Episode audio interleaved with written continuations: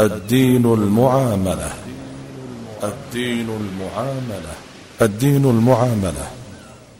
برنامج يبين المنهج الشرعي في تعامل الناس مع بعضهم. البرنامج من إعداد وتقديم الشيخ الدكتور عبد العزيز بن فوزان الفوزان. البرنامج من تنفيذ جمعان الجمعان. بسم الله الرحمن الرحيم. الحمد لله رب العالمين والصلاة والسلام على عبده ورسوله نبينا محمد وعلى آله وصحبه أجمعين. أحبة الكرام سلام الله عليكم ورحمته وبركاته. لا يزال حديثنا موصولا عن الأساليب النبوية في تربية الأولاد. وقد ذكرنا منها ما يزيد على عشرة أساليب ومن هذه الأساليب المهمة التربية بالأحداث والوقائع واستثمارها في التوجيه والإصلاح والتربية وبيان الأحكام التي يحتاجها الناس وذكر ما في هذه الأحداث من عبر وعظات. وهذا منهج قرآني امتلأت به سور القرآن في ذكر قصص الأنبياء وأقوامهم. وكذلك ما جرى للنبي صلى الله عليه وسلم وأصحابه في الوقائع والأحداث التي مرت في السيرة النبوية كما في الآيات التي وردت حول معركة بدر ومعركة أحد ومعركة حنين وفتح مكة وغير ذلك.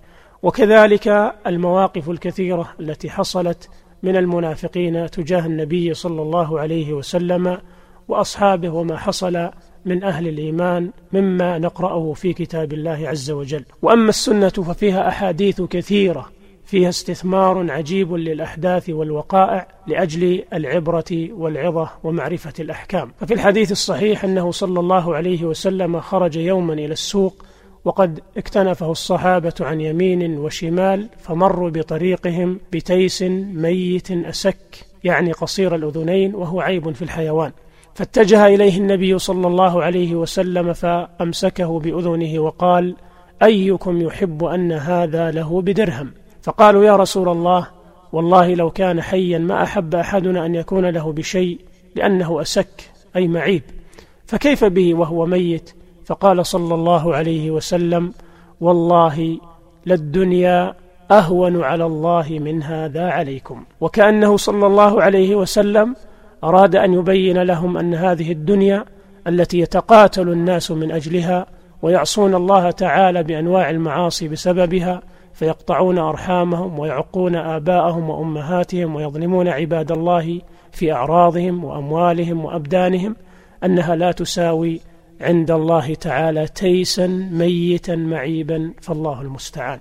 وفي الحديث الصحيح الذي رواه البخاري وغيره عن أسامة بن زيد رضي الله عنه قال كان ابن لبعض بنات النبي صلى الله عليه وسلم يقضي أي حضرته الوفاة فأرسلت إليه أن يأتيها فأرسل إن لله ما أخذ ولله ما أعطى وكل إلى أجل مسمى فلتصبر ولتحتسب فأرسلت إليه فأقسمت عليه فقام رسول الله صلى الله عليه وسلم وقمت معه ومعاذ بن جبل وأبي بن كعب وعبادة بن الصامت فلما دخلنا ناولوا رسول الله صلى الله عليه وسلم الصبي ونفسه تقلقل في صدره حسبته قال كأنها شنة.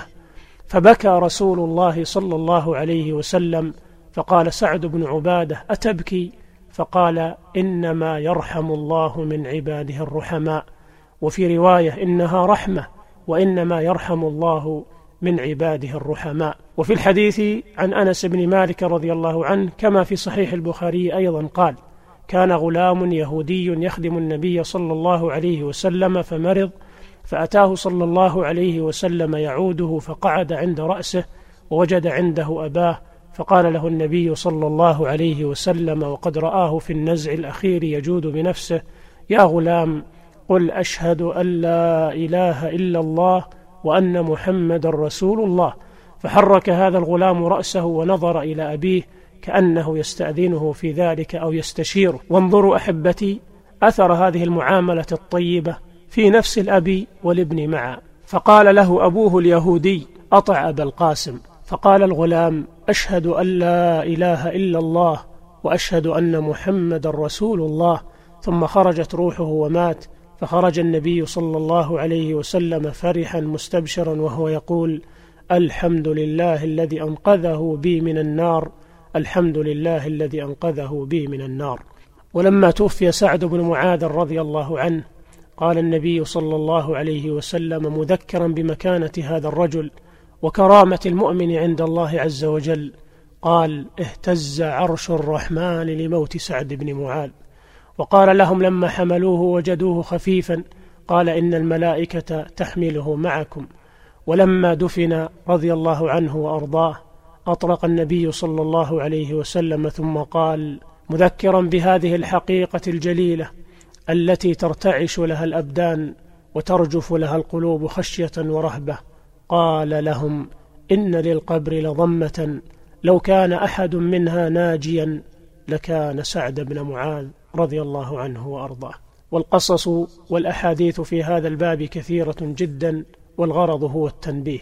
وما أجمل أن يحرص الأب على استثمار الأحداث والوقائع في وعظ أولاده وتبصيرهم وبيان حسن عاقبة الطاعة وأثرها في الدنيا والآخرة وشؤم المعاصي وسوء عواقبها في الدنيا والآخرة. ومن الوسائل النبوية في التربية أيضا التربية بضرب الأمثال النافعة المعبرة. كان صلى الله عليه وسلم يستخدم هذا الأسلوب كثيرا في التربية. فقد قال يوما لأصحابه أخبروني عن شجرة مثلها مثل المؤمن. فلما لم يعرفوا أجابهم صلى الله عليه وسلم فقال هي النخلة. وانظروا كيف مثل المؤمن بهذه النخلة التي كلها خير بجميع أجزائها بثمرتها المتنوعة من بسر ورطب وتمر حاضر أو مكنوز في المستقبل وأيضا نفعها في كربها وفي سعفها وفي الاستظلال بها وفي شموخها وطولها في السماء إلى غير ذلك. كل ذلك ليحث المؤمن على أن يكون كثير النفع كالغيث حيثما حل نفع. وفي الحديث عن أبي موسى الأشعري رضي الله عنه عن النبي صلى الله عليه وسلم قال مثل البيت الذي يذكر الله فيه والبيت الذي لا يذكر الله فيه مثل الحي والميت. وهل أبلغ من هذا التعبير العجيب في بيان أثر الذكر في عمارة القلب وإسعاد النفس والحديث في الصحيحين؟ وفي رواية مثل الذي يذكر ربه والذي لا يذكر ربه مثل الحي والميت. وفي الصحيحين أيضا عن أبي موسى الأشعري رضي الله عنه أن رسول الله صلى الله عليه وسلم قال مثل المؤمن الذي يقرأ القرآن مثل الأترجة ريحها طيب وطعمها طيب. ومثل المؤمن الذي لا يقرأ القرآن مثل التمرة لا ريح لها وطعمها حلو. ومثل المنافق الذي يقرأ القرآن مثل الريحانة ريحها طيب وطعمها مر. ومثل المنافق الذي لا يقرأ القرآن كمثل الحنظلة لا ريح لها وطعمها مر. وعن عبد الله بن عباس رضي الله عنهما قال قال رسول الله صلى الله عليه وسلم إن الذي ليس في جوفه شيء من القرآن كالبيت الخرب. أخرجه الترمذي وصححه. وفي الصحيحين عن أبي موسى الأشعري رضي الله عنه قال قال رسول الله صلى الله عليه وسلم تعاهدوا هذا القرآن فوالذي نفس محمد بيده لهو أشد تفلتا من الإبل في عقلها. وعن عبد الله بن عمر بن الخطاب رضي الله عنهما أن رسول الله صلى الله عليه وسلم قال إنما مثل صاحب القرآن كمثل صاحب الإبل المعقلة إن عاهد عليها أمسكها وإن أطلقها ذهبت رواه البخاري ومسلم وزاد مسلم في رواية وإذا قام صاحب القرآن فقرأه بالليل والنهار ذكره وإن لم يقم به نسيه. فالتربية بالأمثال القرآنية والسنة النبوية طريقة تربوية مفيدة جدا وهي توظف العقل والوجدان وتزكيهما ولها نتائج فعالة في حياة الفرد والجماعة وفي تزكية النفس وتهذيب السلوك. ومن الأساليب النبوية في التربية التربية بتقدير الذات وحفظ الحقوق من احترام الكبير والرحمة بالصغير. وهذا هو منهج النبي صلى الله عليه وسلم في تعامله مع كل الناس كبارهم وصغارهم رجالهم ونسائهم من مسلمين وغيرهم. وفي الحديث عن سهل بن سعد رضي الله عنه أن رسول الله صلى الله عليه وسلم اتي بشراب فشرب منه وعن يمينه غلام وعن يساره الأشياخ. فقال للغلام أتأذن لي أن أعطي هؤلاء؟ فقال الغلام والله يا رسول الله لا أوثر بنصيبي منك أحدا. قال فتله رسول الله صلى الله عليه وسلم في يده يعني وضعه في يده. والحديث رواه البخاري ومسلم. وهذا التفضيل لهذا الغلام وتقديمه على الأشياخ وفيهم أبو بكر وعمر وغيرهما من كبار الصحابة رضي الله عنهم لأن ذلك الغلام وهو ابن عباس رضي الله عنهما كان على يمين النبي صلى الله عليه وسلم فهو الأحق بأن يشرب بعده.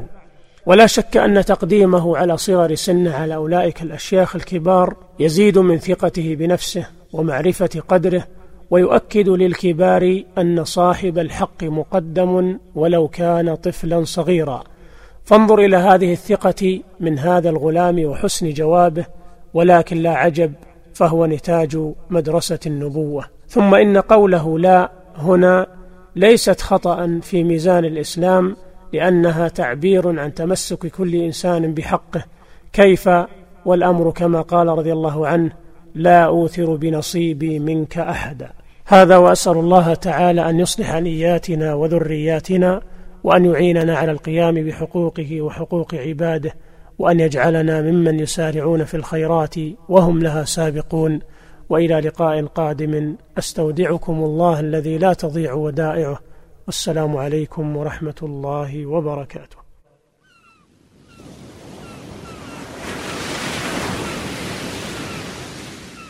الدين المعاملة. الدين المعاملة. الدين المعاملة. برنامج يبين المنهج الشرعي في تعامل الناس مع بعضهم. البرنامج من إعداد وتقديم الشيخ الدكتور عبد العزيز بن فوزان الفوزان. البرنامج من تنفيذ جمعان الجمعان.